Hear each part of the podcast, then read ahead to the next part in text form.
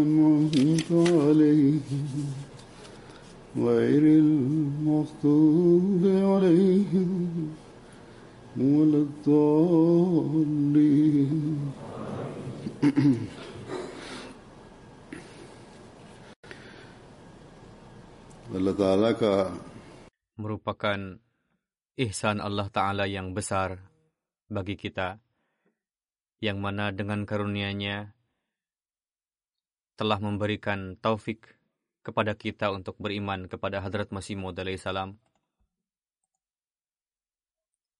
memberikan taufik untuk beriman kepada hamba sejati Rasulullah yang disebut sebagai Mahdi kami oleh Rasulullah Sallallahu Alaihi Wasallam. Sebutan tersebut merupakan kedudukan tinggi dari penzahiran kecintaan dan kedekatan yang dianugerahkan oleh Rasulullah kepada Hadrat Masih Maud salam dan Mahdi Ma'hud alaihissalam dengan mengatakan Mahdi kami. Di satu sisi, Hadrat Masih Maud salam menjelaskan dalam tulisan-tulisan beliau berkenaan dengan status Islam sebagai agama yang paling mulia.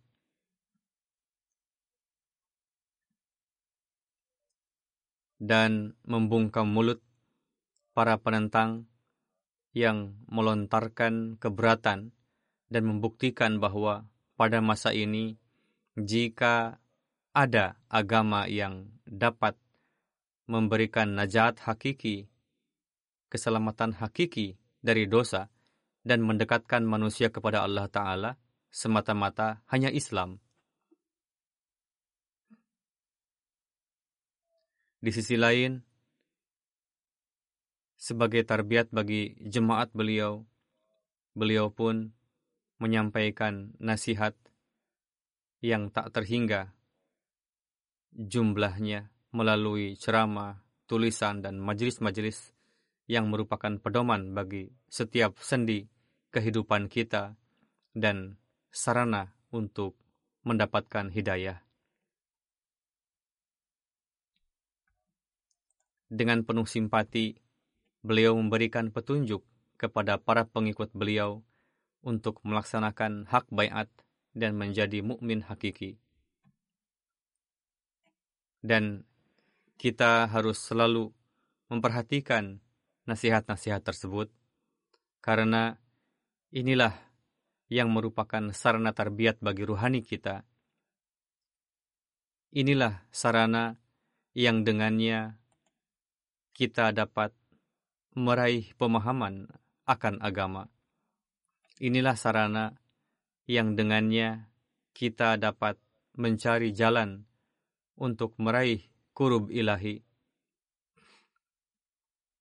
Inilah sarana yang dengannya kita dapat sampai pada rahasia dan ma'rifat Al-Quran. Inilah sarana yang dengannya kita dapat mengenal makom dan martabat Rasulullah. Inilah sarana yang dengannya kita dapat memperbaiki kondisi akidah kita. Inilah sarana yang dengannya kita dapat membawa perbaikan pada keadaan diri kita.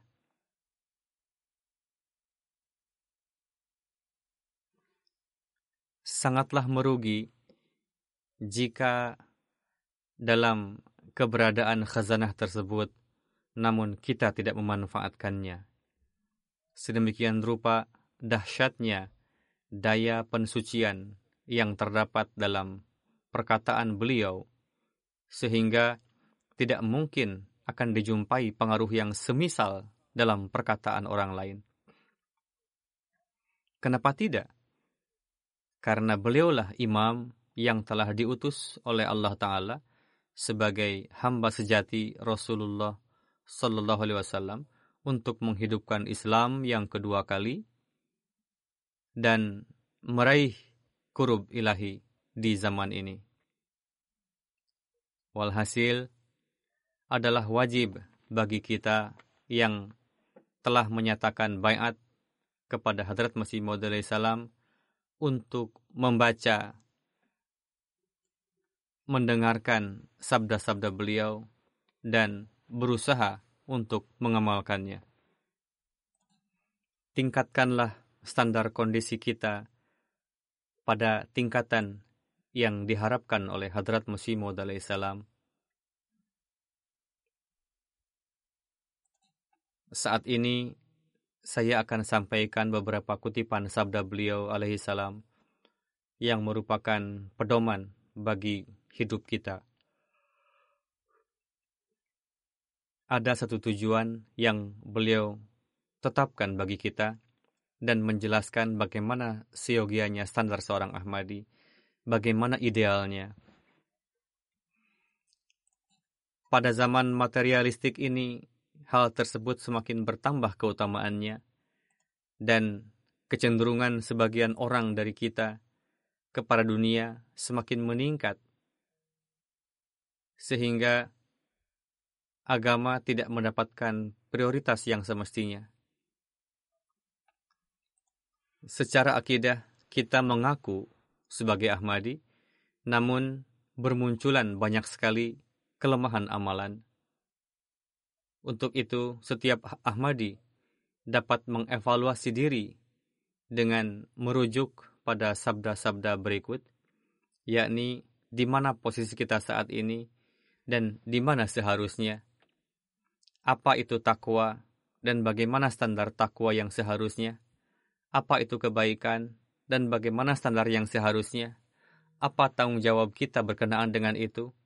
Hadrat Masih Maud salam bersabda,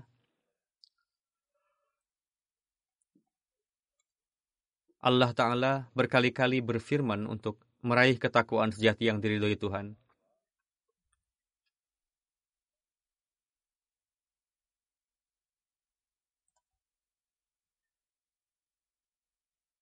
Yang artinya, wahai orang-orang yang beriman, bertakwalah. Lalu berfirman,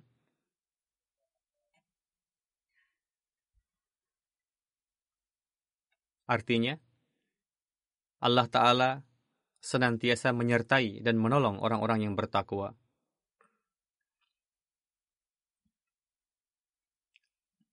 Beliau alaihissalam bersabda, takwa adalah menjauhi keburukan Sedangkan muhsinun adalah tidak hanya menjauhi keburukan, bahkan juga melakukan kebaikan. Lalu berfirman, Lilladzina ahsanul husna, yakni melakukan kebaikan tersebut dengan sebaik-baiknya. Beliau bersabda, berkali-kali turun wahyu kepadaku yang berbunyi,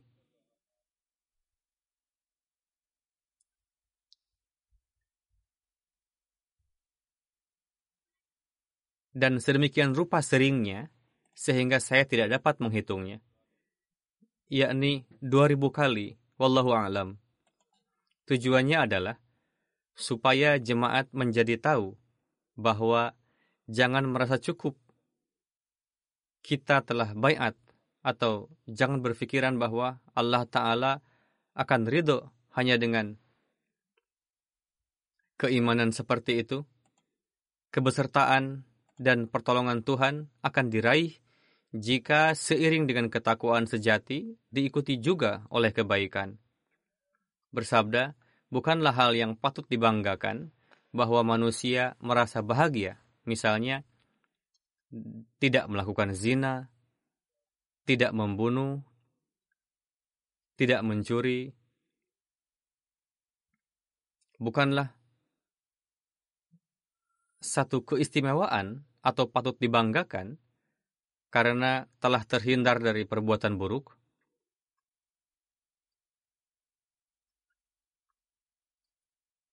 karena sebetulnya si pelaku tahu bahwa jika dia mencuri, maka dari segi hukum dia akan dihukum dengan ditangkap dan dipenjara.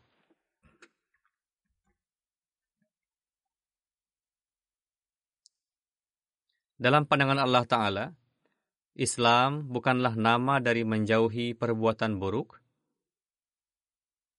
melainkan sebelum seseorang melakukan kebaikan setelah meninggalkan keburukan, ia tidak akan dapat hidup dalam kehidupan rohani tersebut.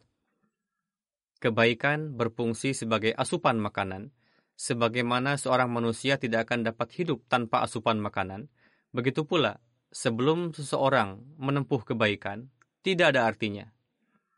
Jika setelah meninggalkan keburukan, disertai dengan berbuat baik, baru akan mendapatkan kehidupan. Bagaimana beberapa keburukan dapat berdampak pada kehidupan manusia, yang mana ia pun tidak menyadarinya. Namun, disebabkan oleh itulah, pada satu waktu ia dicengkram oleh Allah Ta'ala. Berkenaan dengan itu, beliau bersabda, Sebagian dosa nampak jelas, misalnya berdusta, berzina, berkhianat, memberikan kesaksian palsu, dan merampas hak orang lain, dan lain-lain. Namun, sebagian dosa begitu halus sehingga manusia terjerumus di dalamnya dan sedikit pun tidak menganggapnya sehingga dari sejak muda hingga tua. Namun, dia tidak menyadari bahwa ia berbuat dosa. Waktu pun berlalu dengan berbuat dosa, dia menganggapnya dosa tersebut kecil. Beliau memberikan contoh dosa seperti itu, misalnya, biasa mengkritik orang lain, maksudnya mengkritik hal-hal kecil, menzahirkan kesedihan. Jika ada suatu kabar, maka dipelintir menjadi begini dan begitu. Bersabda, Orang seperti ini menganggap hal tersebut sepele, padahal Al-Quran menetapkannya sangat besar. Inilah hal-hal kecil yang pada akhirnya menjadi ribat. Untuk itu, Al-Quran menetapkannya sebagai sangat besar. Difirmankan,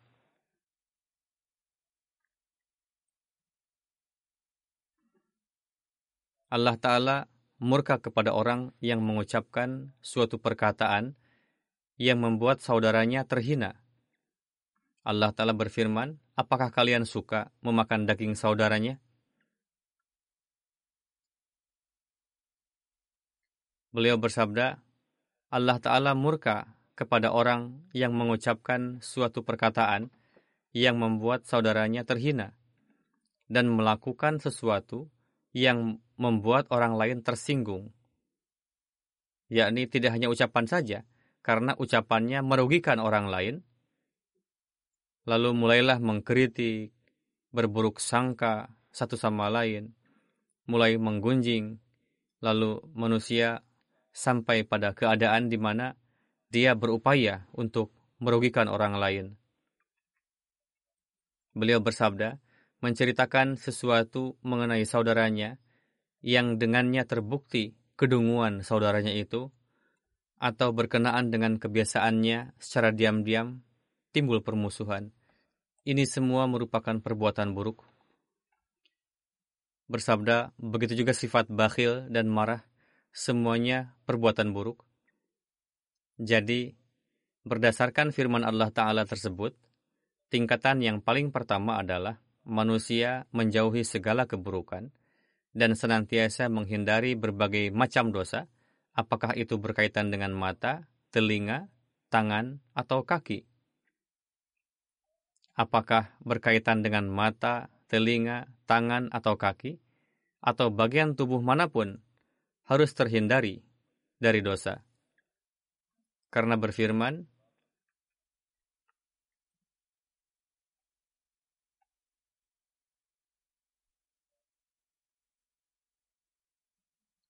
yakni sesuatu yang kalian tidak ada pengetahuan mengenainya, janganlah mengikutinya begitu saja karena telinga, mata, dan berbagai anggota tubuh akan ditanyai.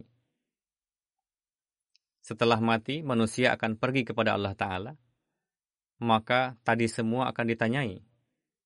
Bersabda, banyak sekali keburukan yang timbul hanya dari buruk sangka. Ketika mendengar sesuatu mengenai si Anu, langsung saja diyakini tanpa diteliti terlebih dahulu. Perbuatan seperti itu sangatlah buruk sesuatu yang tidak ada pengetahuan dan keyakinan mengenainya, janganlah menyimpannya di dalam hati. Ini sebenarnya untuk menjauhkan buruk sangka, yakni selama belum menyaksikan dan diputuskan kebenarannya, janganlah berikan tempat di dalam hati dan jangan juga menceritakannya. Bersabda, betapa kokoh dan kuatnya hal tersebut. Banyak sekali manusia yang akan dicengkram disebabkan karena mulutnya, Walhasil, jika sifat buruk sangka itu berhasil dijauhkan, maka setengah kekacauan, perselisihan, dan permusuhan akan hilang dalam masyarakat. Sehingga tercipta persatuan. Beliau bersabda, di dunia pun nampak bahwa banyak sekali manusia yang dicengkeram disebabkan karena mulutnya. Sehingga mereka terpaksa menanggung penyesalan dan kerugian yang dalam. Jika ada gosip, langsung diceritakan, padahal terbukti tidaklah benar kabar tersebut, lalu merasa malu karena kabarnya tidak benar. Untuk itu lebih baik untuk tidak berburuk sangka. Berfikirlah positif mengenai orang lain, atau jika mendapatkan suatu kabar, selidikilah kebenarannya. Manusia lemah, kadang masuk suatu khayalan ke dalam hati, namun jika hanya sebatas sampai di pikiran dan tidak diamalkan, maka Allah Ta'ala akan memaafkannya. Allah Ta'ala tidak lantas akan mencengkeram hanya jika sebatas dalam pikiran. Manusia akan dicengkeram jika mengamalkan khayalan atau niatan buruk itu. Menjelaskan mengenai bagaimana Allah Ta'ala mencengkeram, beliau bersabda, Fikiran berbahaya dan sepintas lalu, jika terlintas di benak, tidak akan menyebabkan seseorang diazab. Misalnya, jika terlintas dalam benak seseorang, jika saya mendapatkan harta ini, bagus sekali. Memang itu merupakan pikiran rakus, namun jika hanya sebatas itu muncul di dalam hati, secara alami lalu hilang lagi, tidak akan dicengkram. Namun jika pikiran tersebut diberikan tempat di hati, lalu muncul niat dengan alasan apa pun untuk mengambil benda tersebut, atau mencarinya dengan cara yang haram, atau jika muncul pemikiran bahwa pajak yang harus dibayar sejumlah sekian, lantas jika aku upayakan untuk kurangi jumlah pajak itu, maka uangku akan selamat sekian banyak. Jika terpikir seperti itu, tidaklah mengapa. Allah Ta'ala tidak akan mencengkeramnya. Namun jika itu diwujudkan dalam amalan, dengan mengakali pajak dengan merugikan negara atau tidak memberikan keterangan yang jujur kepada pemerintah dengan mengurangi besarnya penghasilan dalam kolom tagihan, maka Allah Ta'ala akan mencengkeramnya.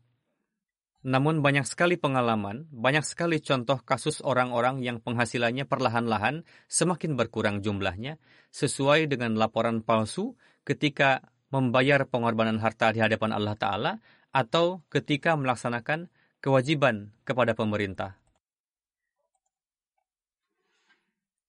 bersabda, dosa seperti itu layak untuk dicengkeram, walhasil ketika hati sudah bertekad dan untuk itu melakukan kenakalan dan penipuan di kalangan orang duniawi dalam keserakahan dunia, pebisnis, atau pekerjaan lainnya menggunakan cara yang salah untuk mendapatkan sesuatu, ketika muncul pikiran di dalam hati, lalu mulai diamalkan, mulai direncanakan, maka dosa tersebut layak untuk dicengkeram.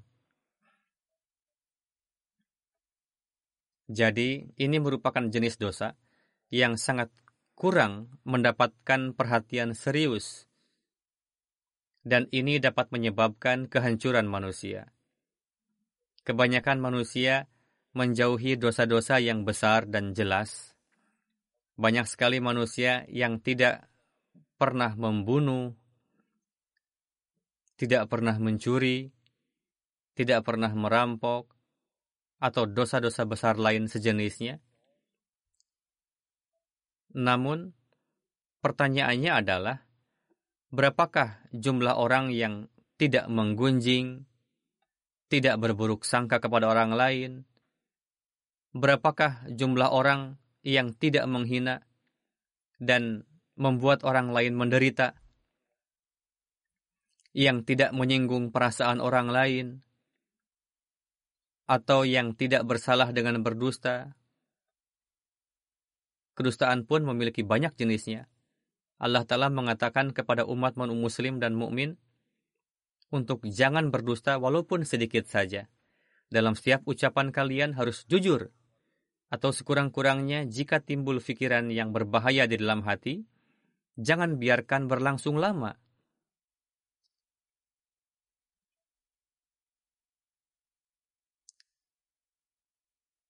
meskipun tidak banyak orang yang seperti itu. Beliau bersabda, Aku dapat katakan dengan pasti, sedikit jumlah orang yang tidak melakukan hal-hal tersebut. Mereka yang tidak menimpakan penderitaan kepada orang lain, yang tidak menggunjing orang lain, yang berburuk sangka, berdusta, yang tidak menyimpan pikiran buruk di dalam hati. Sangat sedikit jumlah orang yang terhindar dari perbuatan itu dan takut kepada Allah Ta'ala. Jika tidak melakukan semua perbuatan itu, tidak melakukannya disebabkan karena takut kepada Allah Ta'ala. Padahal akan banyak dijumpai orang-orang yang lebih kurang berkata dusta dan setiap saat dalam perkumulannya disampaikan kritikan dan gunjingan kepada orang-orang. Mereka menimpakan berbagai macam penderitaan kepada saudaranya yang lemah. Silahkan evaluasi sendiri pertemuan-pertemuan Anda maka akan nampak bahwa dalam obrolan-obrolannya dilontarkan cemoohan kepada orang lain. Hal-hal yang dusta diada-adakan, diolok-olok, dan disebabkan karena perbuatan itu terjadilah permusuhan. Inilah eh, standar kebaikan supaya kita terhindar dari itu seperti yang diharapkan dari seorang mukmin. Beliau bersabda, Allah Ta'ala berfirman Tahapan pertama adalah manusia menempuh ketakwaan. Saat ini, saya tidak bisa menjelaskan secara detail perihal perbuatan buruk. Dalam Quran Syarif, dari awal hingga akhir, terdapat perintah dan larangan dan rincian hukum-hukum ilahi. Apa yang harus dilakukan dan apa yang harus dihindari. Ada di dalam Al-Quran. Seorang mukmin harus membaca Al-Quran dan memahaminya. Bersabda, ratusan ranting dan berbagai jenis hukum dijelaskan. Secara ringkas, saya sampaikan bahwa Allah Ta'ala sama sekali tidak akan setuju jika ada yang berbuat kekisruhan di bumi. Allah Ta'ala ingin menciptakan kesatuan di dunia, namun orang yang menimpakan penderitaan kepada saudaranya, berbuat zalim, berkhianat, berarti ia adalah musuh dari kesatuan. Tidak mungkin akan tercipta persatuan dengan begitu, tidak mungkin akan timbul kecintaan dan persaudaraan. Bersabda, itu adalah musuh persatuan. Sebelum pikiran buruk itu tidak hilang dari hati, tidak pernah mungkin akan tersebar kesatuan sejati. Untuk itu, tahapan tersebut diletakkan paling awal. Inilah keberkatan dalam jemaat yang satu, yakni tercipta satu kesatuan, dan inilah tujuan dari kedatangan Hadrat Masih Maud dan Mahdi Ma'hud yakni untuk menyatukan umat muslim di bawah satu tangan, menjadikan satu umat. Lalu beliau bersabda, pada umumnya nampak bahwa kebanyakan orang yang duduk dalam satu pertemuan ketika mendengar hal-hal yang seperti itu, hati mereka terpengaruh dan menganggapnya baik, yakni ketika mendengar perkara-perkara baik atau ketika disampaikan khutbah dan orang-orang menyimaknya, hatinya terkesan. Banyak orang yang menyampaikan hal tersebut kepada saya melalui surat. Namun, ketika mereka meninggalkan pertemuan majelis tersebut, lalu berjumpa kembali dengan kawan-kawannya, maka corak semula yang lebih mewarnai. Lalu melupakan hal-hal baik yang dia dengar dalam pertemuan tadi. Untuk itu, saya sampaikan bahwa kita harus mengingatkan hal tersebut berkali-kali dan terus memperhatikan supaya dapat menjadi pengingat sebelum lupa. Kita hendaknya terhindar dari itu. Perlu bagi kita untuk meninggalkan pertemuan-pertemuan yang di dalamnya disampaikan hal-hal seperti itu. Seiring dengan itu perlu diingat supaya kita mengetahui segala perkara buruk tadi karena untuk meminta sesuatu yang terpenting adalah mengetahui ilmunya.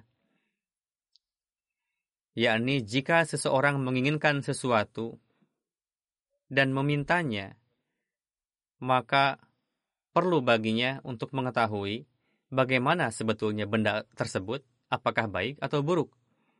Perlu juga untuk mengetahui kebaikan, begitupun keburukan, supaya jika diketahui bahwa sesuatu itu buruk, maka tinggalkanlah. Sebaliknya, jika baik, ambillah. Bersabda, sebelum memiliki pengetahuan mengenai sesuatu, bagaimana dapat meraihnya? Berkali-kali dijelaskan oleh Al-Quran. Walhasil, bacalah Al-Quran berkali-kali, lalu tuliskanlah penjelasan mengenai perbuatan buruk. Kemudian, berupayalah dengan meminta karunia dan pertolongan Tuhan, supaya kalian terhindar dari keburukan-keburukan itu. Ini merupakan tingkatan pertama dari ketakwaan, yakni terhindar dari keburukan. Jika kalian berupaya untuk itu, maka Allah akan memberikan taufik kepada kalian untuk terhindar. Lalu kalian akan diberikan sirup kafuri yang dengannya gejolak nafsu kalian untuk melakukan dosa sama sekali akan mereda. Berkenaan dengan kafuri, para tabib menulis bahwa ini digunakan untuk mendinginkan gejolak nafsu. Orang-orang menggunakannya dan biasa terdapat juga dalam racikan obat. Beliau telah memberikan contoh di sini untuk penyakit rohani, yakni ketika kalian terhindar dari keburukan, maka inilah yang akan menjadi sirup kafuri bagi kalian, yang dengan menggunakannya secara perlahan, keinginan untuk melakukan dosa akan mereda dan akan terus menghilang. Setelah itu, yang tampil adalah kebaikan-kebaikan. Sebelum manusia menjadi seorang mutaki, minuman tersebut tidak diberikan padanya dan tidak juga timbul corak pengabulan dalam ibadah dan doa-doanya. Jika kalian ingin doa-doa kalian dikabulkan, untuk itu yang paling pokok adalah terhenti dari keburukan-keburukan dan milikilah kebaikan. Inilah takwa. Ini merupakan syarat supaya doa kita terkabul. Karena Allah Ta'ala berfirman,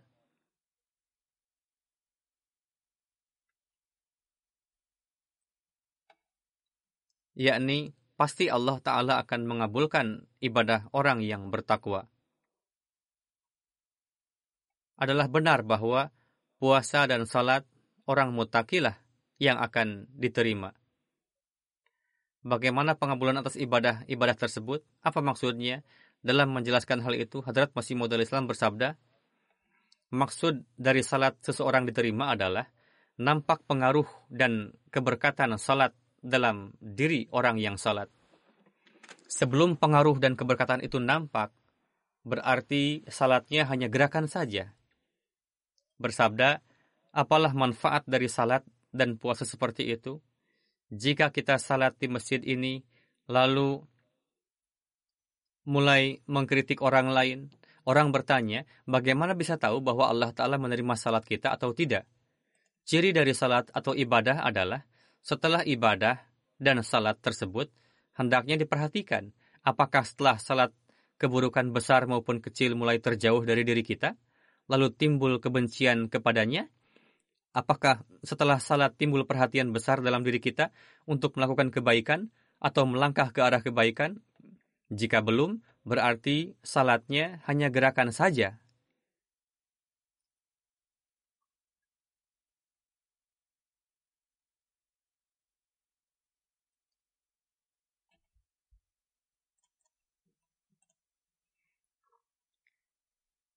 bersabda, jika setelah salat lalu mengkritik orang lain, berburuk sangka kepada orang lain, dan mengkhianati amanat, dalam pertemuan atau rapat pun terdapat amanat, khususnya para pengurus hendaknya memperhatikan untuk tidak menyampaikan amanat pertemuan atau rapat jemaat kepada keluarga di rumah, dan juga kepada orang-orang yang tidak ada kepentingan. Hendaknya ada larangan untuk itu.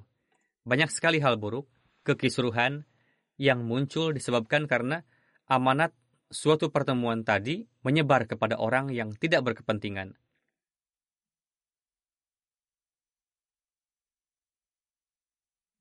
Timbul perasaan iri mendengar kabar kedudukan seseorang atau menyerang kehormatan orang lain.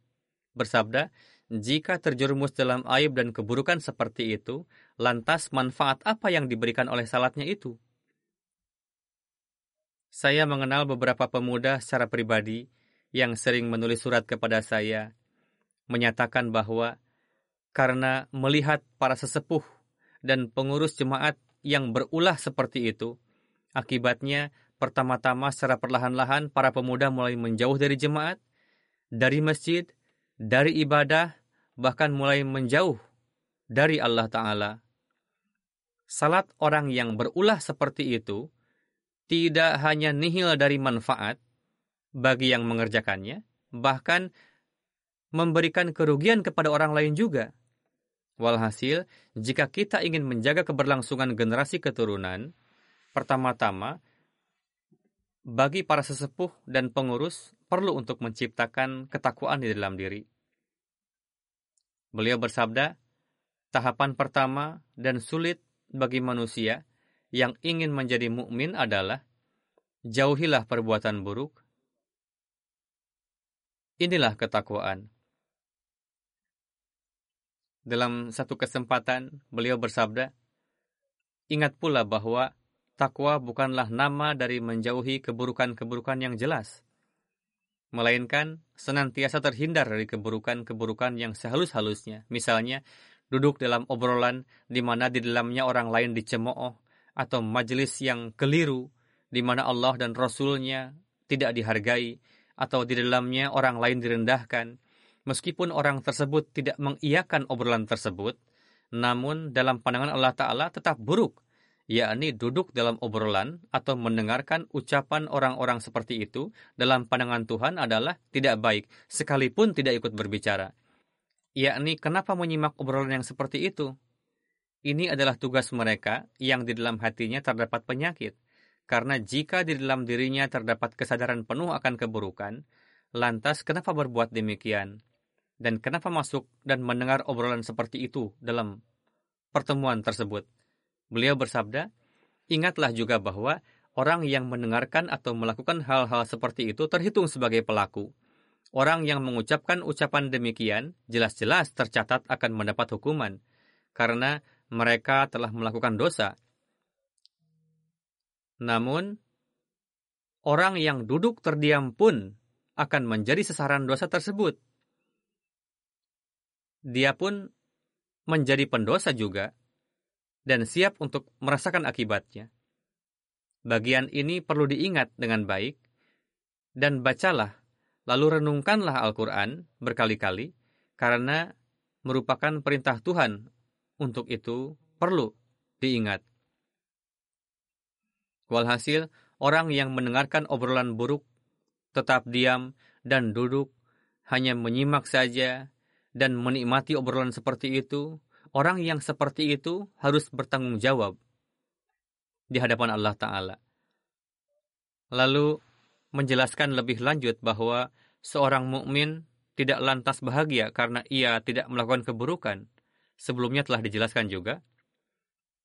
Dalam hal ini, banyak juga para tokoh agama atau suatu kaum, bahkan kebanyakan di kalangan mereka pun tidak melakukan keburukan, sebagaimana bersabda, sebagian orang dalam kalangan Kristen, Hindu, dan kaum-kaum lainnya yang tidak melakukan dosa, misalnya tidak berdusta, tidak memakan harta yang tidak jais, tidak menghindar dari hutang, bahkan melunasinya, bersikap baik dalam urusan lingkungan masyarakat. Namun Allah Ta'ala berfirman, tidaklah cukup dengan hanya berbuat demikian, lantas untuk membuat Tuhan ridho, melainkan selain dari terhindar dari keburukan, kita pun harus melakukan kebaikan. Tanpa itu, tidak. Orang yang berbangga karena dia tidak melakukan keburukan adalah bodoh. Islam tidak hanya ingin menyampaikan manusia sampai pada tahapan itu saja, lalu meninggalkannya, melainkan Islam ingin supaya manusia memenuhi kedua bagian itu, yakni ingin supaya manusia meninggalkan sepenuhnya keburukan dan melakukan kebaikan dengan segenap ketulusan. Sebelum kedua hal ini diamalkan, tidak mungkin akan mendapatkan najat keselamatan.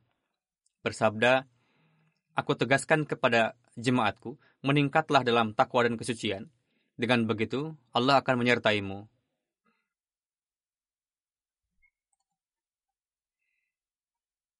Sesungguhnya Allah Ta'ala beserta dengan orang-orang yang menempuh ketakwaan, yang berbuat baik dan ihsan. Bersabda, Ingatlah dengan baik bahwa jika kalian tidak menempuh ketakwaan, dan tidak mengambil bagian yang banyak dari kebaikan yang Allah Ta'ala harapkan, maka kalianlah yang pertama-tama akan dibinasakan oleh Allah Ta'ala, karena kalian telah meyakini satu kebenaran, namun secara amalan kalian mengingkarinya, yakni telah beriman kepada imam zaman dan berikrar bahwa kami lebih baik dari umat muslim lainnya dan melakukan kebaikan. Namun jika secara amalan tidak ada ketakwaan, berarti merupakan pengingkaran. Jangan sekali-kali berbangga diri dan sombong karena telah berbaiat sebelum menempuh ketakwaan seutuhnya. Kalian tidak akan selamat. Tuhan tidak memiliki jalinan kekerabatan dengan siapa pun dan tidak juga Allah akan setuju untuk memberikan keringanan kepada seseorang. Para penentang kita pun adalah ciptaan Tuhan, begitu juga kalian.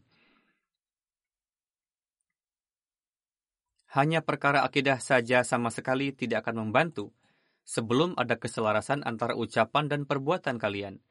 Umat muslim lainnya pun memiliki akidah bahwa Tuhan itu satu, Rasulullah khatamun nabiyyin, Quran Syarif merupakan kitab syariat terakhir, yang mana akidah kita pun sama seperti itu. Begitu juga mereka.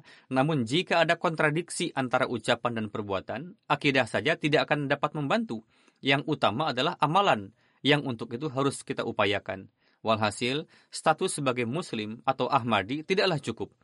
Perlu untuk menyelaraskan diri sendiri sesuai dengan hukum-hukum Allah dan menjadi mukmin hakiki seperti yang diharapkan oleh Allah Ta'ala dari kita. Allah Ta'ala menghendaki supaya kita memperlihatkan amalan yang benar, yakni zahirkanlah kebenaran secara amalan, supaya dia menyertaimu jika terdapat kekurangan dalam hal kasih sayang, ihsan, amalan baik, simpati, kerendah hatian, maka aku tahu dan berkali-kali telah kusampaikan bahwa jemaat seperti itulah yang paling pertama akan hancur. Bersabda, pada zaman Nabi Musa, ketika umatnya tidak menghargai hukum-hukum Tuhan, meskipun Hadrat Musa berada di tengah-tengah mereka, namun tetap saja kaumnya dibinasakan dengan petir.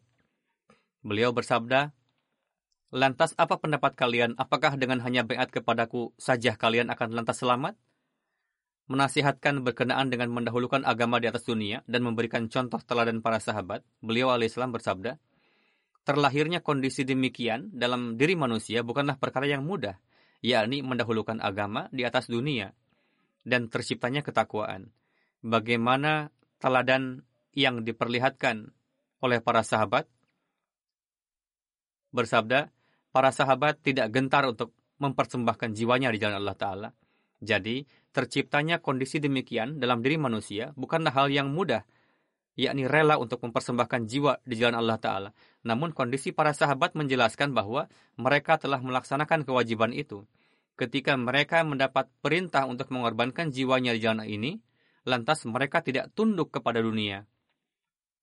Untuk itu adalah penting supaya kalian mendahulukan agama di atas dunia.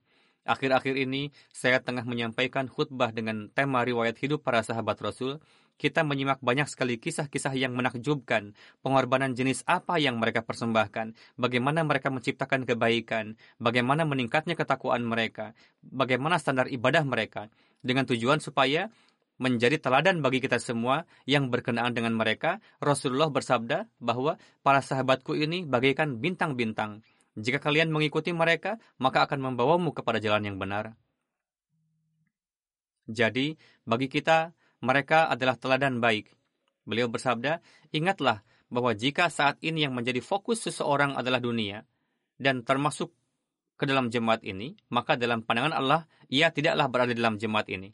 Dalam pandangan Allah, yang termasuk ke dalam jemaat ini adalah mereka yang memisahkan diri dari dunia. Lalu beliau memperjelas lagi, bersabda, Jangan ada yang beranggapan bahwa dengan memisahkan diri dari dunia aku akan hancur. Pemikiran seperti itu akan menggiring seseorang jauh dari pengenalan kepada Tuhan. Bersabda, Allah Ta'ala tidak akan pernah menyia-nyiakan orang yang semata-mata menjadi miliknya. Bahkan Allah sendiri yang akan memberikan kecukupan padanya. Allah Ta'ala maha penyayang, Barang siapa yang fana di jalannya, maka dialah yang akan berhasil. Aku katakan dengan sejujurnya bahwa Allah Ta'ala akan mencintai orang yang mengamalkan perintahnya, dan keturunannya pun akan berberkat. Tidak pernah orang dan keturunan orang yang memiliki kesetiaan sejati kepada Tuhan lantas hancur.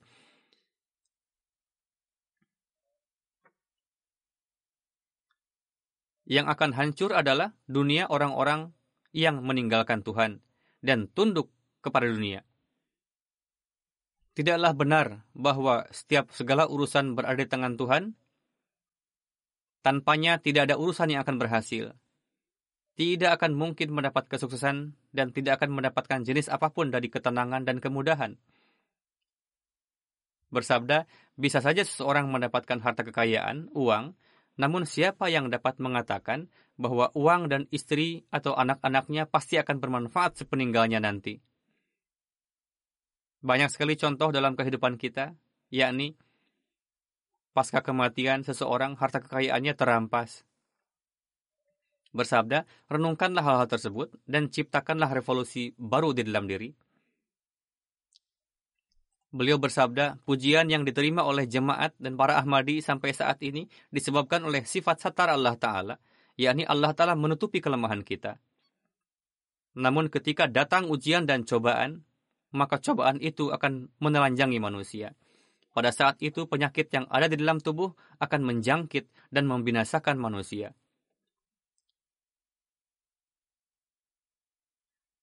Zaman ketika Hadrat Masih Maud salam menyampaikan hal itu, pada zaman itu standar ketakwaan dan kebaikan jauh lebih luhur dibanding masa ini.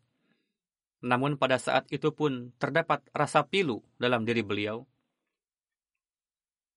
saat ini kita dapat mengevaluasi diri dengan menilik kondisi masing-masing, bagaimana keadaan kita, bagaimana ikrar kita, dan bagaimana standar kebaikan kita. Lebih lanjut bersabda berkenaan siapa sebetulnya mukmin sejati. Beliau bersabda, ingatlah bahwa sesungguhnya dalam pandangan Allah Ta'ala yang termasuk ke dalam mukmin dan bayat adalah orang yang mendahulukan agama di atas dunia. Seperti ketika bayat dia mengatakan bahwa jika mendahulukan tujuan duniawi, berarti ia melanggar janjinya. Dan dalam pandangan Allah Ta'ala adalah pendosa. Bersabda, ingatlah dengan baik, sebelum kondisi amalan manusia baik, lisan saja tidak ada artinya. Keimanan sejati adalah yang merasuk ke dalam hati, dan pengaruhnya dapat mewarnai amalannya. Keimanan sejati adalah seperti yang dimiliki oleh Hadrat Abu Bakar dan para sahabat lainnya, karena mereka telah menyerahkan harta bahkan jiwanya di jalan Allah Ta'ala dan tidak memperdulikannya. bersabda, ketika saya membayangkan hal itu, keagungan hadrat Rasulullah SAW selalu membekas di dalam kalbu, yakni betapa berberkatnya kaum itu, dan betapa dahsyat pengaruh daya pensucian Rasulullah, sehingga telah menyampaikan kaum tersebut kepada kedudukan tersebut. Renungkanlah dengan baik betapa dahsyatnya revolusi yang telah beliau ciptakan dalam kaum itu. Ada masanya ketika semua hal-hal yang diharamkan bagi mereka layaknya air susu ibu. Mereka melakukan segala keburukan, mencuri, mabuk-mabukan, berzina, dan semua perbuatan dosa. Intinya, tidak ada dosa yang tidak pernah mereka lakukan. Namun berkat pergaulan dan terbiat dari Rasulullah yang telah memberikan pengaruh kepada mereka, sehingga tercipta revolusi dalam diri mereka. Dan Rasulullah sendiri memberikan kesaksian dengan mengatakan, Allah, Allah dalam diri para sahabatku. Seolah-olah mereka telah membuka jubah kemanusiaan menjadi manifestasi Tuhan, dan kondisi mereka sudah seperti malaikat yang mengatakan yaf'alu nama yu'marun, yakni apa yang diperintahkan itulah yang diamalkan. Menjadi penggenapannya. Persis seperti itulah kondisi para sahabat. Gejolak hawa nafsu dan keinginan hati sama sekali sudah hilang. Lalu berkenaan dengan setelah bayat, seperti apa seharusnya kekuatan jalinan seorang Ahmadi dengan jemaat?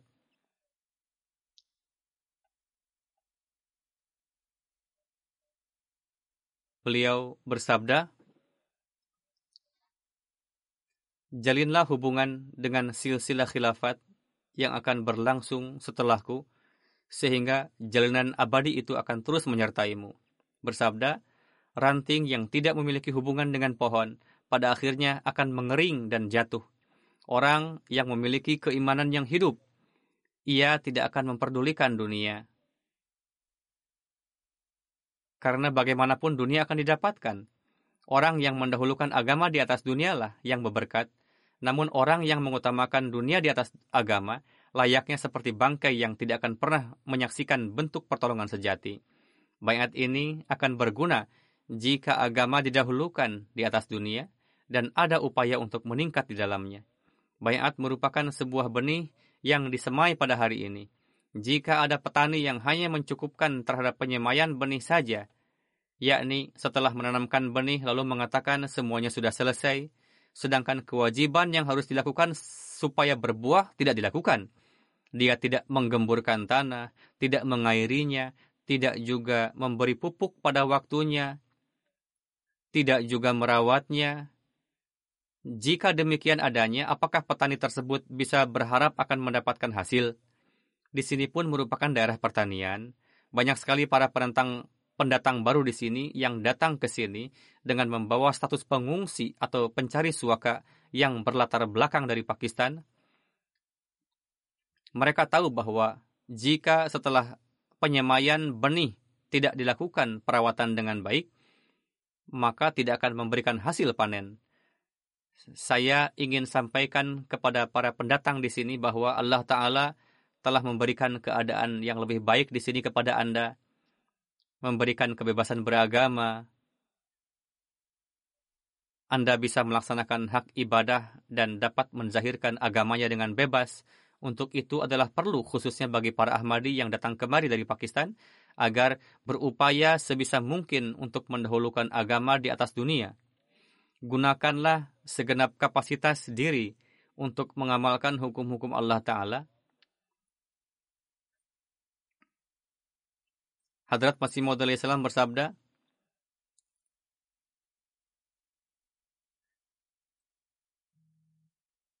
Barang siapa yang tidak merawat ladang atau tanamannya dengan baik, maka pasti dan pasti ladangnya tidak akan memberikan buah. Ladang yang akan memberikan buah adalah ladang milik petani yang merawat sepenuhnya. Walhasil, Anda pun telah melakukan penyemaian benih pada hari ini. Hadrat Masih Maud Salam bersabda kepada jamaah yang ada di hadapan beliau saat itu, dan saat ini kitalah yang menjadi lawan bicara beliau, bahwa kita pun telah menyemaikan benih, yakni telah menerima jemaat. Allah telah maha tahu bagaimana takdir seseorang. Namun yang beruntung adalah mereka yang merawat benih tersebut dan terus mendoakan dirinya sendiri. Misalnya dalam sholat kita harus tercipta perubahan, harus ada perhatian besar terhadap ibadah sholat. Jangan berpikir bahwa kami telah membangun masjid. Perlu juga bagi kita untuk berupaya melaksanakan hak-hak masjid.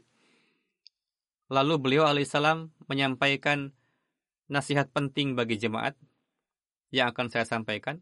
Bersabda, zaman pada saat ini sudah sangat rusak. Telah bermunculan berbagai macam syirik, bid'ah, dan kerusakan. Ikrar yang disampaikan ketika bayat yang berbunyi akan mendahulukan agama di atas dunia diucapkan ke hadapan Tuhan. Sekarang hendaknya kita teguh dalam di dalamnya sampai nafas terakhir. Jika tidak, anggap saja belum bayat. Namun jika teguh di dalamnya, maka Allah akan mencurahkan keberkatan dalam kerohanian dan urusan duniawi juga. Tempuhlah ketakwaan sesuai dengan kehendak Tuhan. Zaman sangat rentan, azab ilahi mulai nampak. Barang siapa yang menyelaraskan diri sesuai dengan kehendak Tuhan, Allah Ta'ala akan mengasihi jiwanya dan anak keturunannya.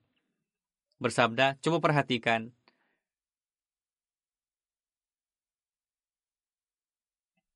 manusia makan roti, sebelum ia makan roti sesuai takaran yang ia butuhkan, maka rasa laparnya tidak akan hilang.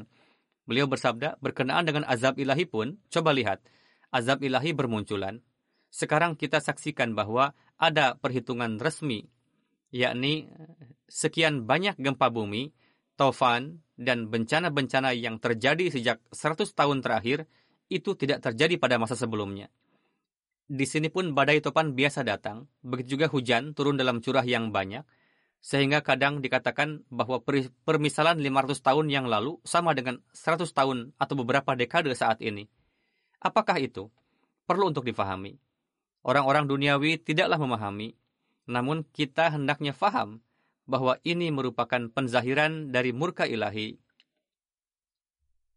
Dalam hal ini, Hadrat Masih Maud salam telah memberi peringatan dengan jelas untuk itu, kita pun harus menaruh perhatian untuk melakukan islah dan juga harus mengabarkan kepada dunia bahwa bencana-bencana ini bukanlah hal biasa. Bahkan telah dikabar gaibkan 100 tahun sebelumnya dan ada satu cara untuk terhindar darinya, yakni manusia kembali kepada Allah Ta'ala. Saat ini pun jika masih belum tersadarkan juga, maka mustahil untuk selamat. Begitu juga manusia menciptakan sendiri kesulitan bagi dirinya sendiri, terjadi peperangan, kezaliman satu sama lain, sehingga seperti itulah akibatnya. Jika dalam pandangan Allah Ta'ala kezaliman sudah sampai pada puncaknya, maka tibalah kehancuran akan menimpa bangsa-bangsa yang menyebabkan kezaliman itu. Memang, menurut kita kezaliman sudah sampai pada puncaknya, namun Allah Ta'ala maha memberi tenggang waktu. Para pelaku kezaliman itu hanya dapat selamat sebagaimana telah disabdakan oleh Hadrat Masih Maud salam dalam syair Ada api, namun yang akan diselamatkan dari api adalah mereka yang mencintai Tuhan, Maha Pemilik keajaiban. Walhasil, perlu untuk fokus akan hal tersebut, kita pun perlu berupaya untuk menyelamatkan diri dan dunia, dan untuk itu kita harus menggunakan segenap kekuatan dan kapasitas kita, yakni bagaimana supaya kita dapat meraih Allah Ta'ala. Beliau bersabda, manusia makan roti, sebelum seseorang makan roti sebanyak yang dia perlukan untuk mencukupi kebutuhan perut, maka rasa laparnya tidak akan hilang. Jika ia memakan roti sepotong kecil, apakah ia akan terbebas dari rasa lapar? Sama sekali tidak. Jika dia meminum setetes air, maka tetesan itu pasti tidak akan dapat menghilangkan rasa hausnya. Bahkan meskipun dia telah meminum tetesan itu, ia akan tetap mati. Bersabda, untuk menyelamatkan jiwa sebelum seseorang makan atau minum sesuai dengan takaran yang dibutuhkan untuk keberlangsungan hidupnya, maka ia tidak akan selamat. Begitu juga lah kondisi kerohanian manusia, sebelum kerohaniannya sesuai dengan takaran yang diperlukan untuk mencukupinya, maka ia tidak akan selamat.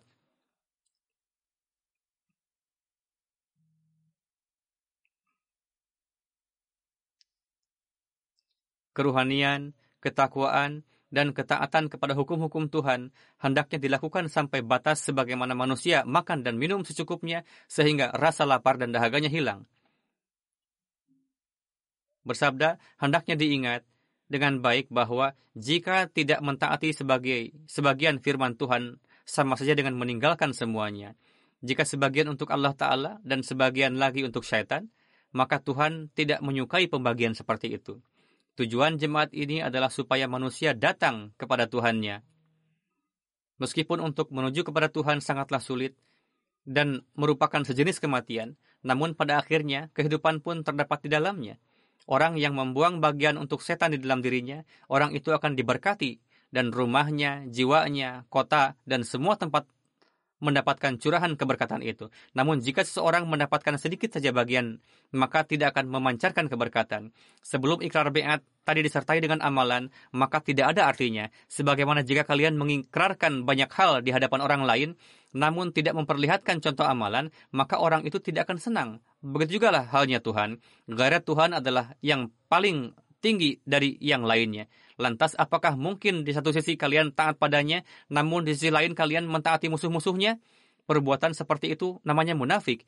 Dalam tahapan ini, hendaknya manusia tidak memperdulikan si A si B.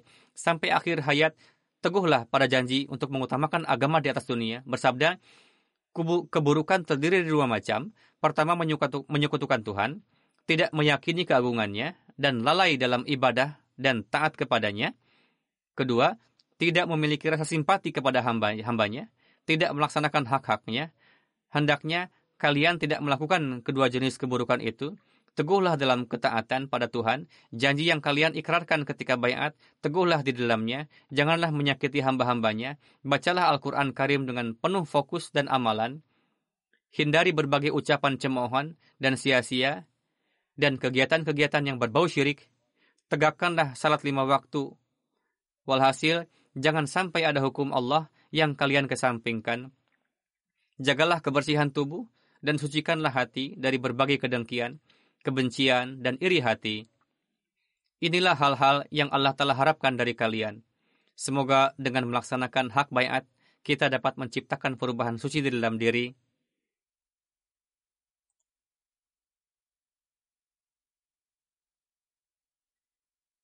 Semoga di dunia ini kita dapat memenuhi janji untuk mengutamakan agama di atas dunia, dapat mengamalkan nasihat-nasihat beliau alaihi salam. Begitu juga syarat bayat yang ke-10 yang berbunyi akan taat pada segala keputusan ma'ruf dari Hadrat Khalifah. Dapat difahami maknanya secara hakiki dan sampai pada standar ketaatan tersebut. Sehingga kita dapat menjadi pewaris karunia-karunia yang telah dijanjikan oleh Allah Ta'ala kepada Hadrat Masih Maud alaihi salam.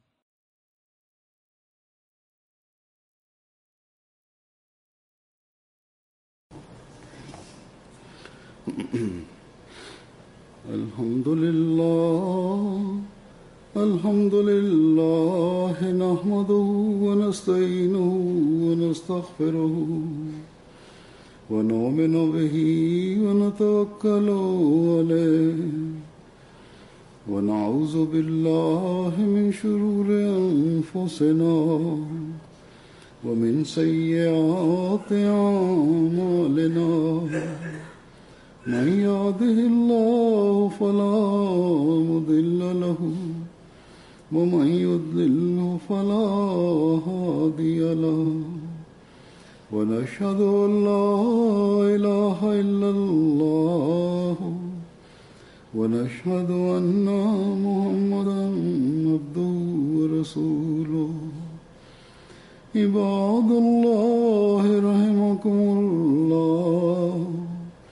إن الله يأمر بالعدل واللسان وإيتاء ذي القربى. وينهى عن الفحشاء والمنكر والبغي. يعظكم لعلكم تذكرون. اذكروا الله يذكركم وادعوه يستجب لكم ولذكر الله أكبر.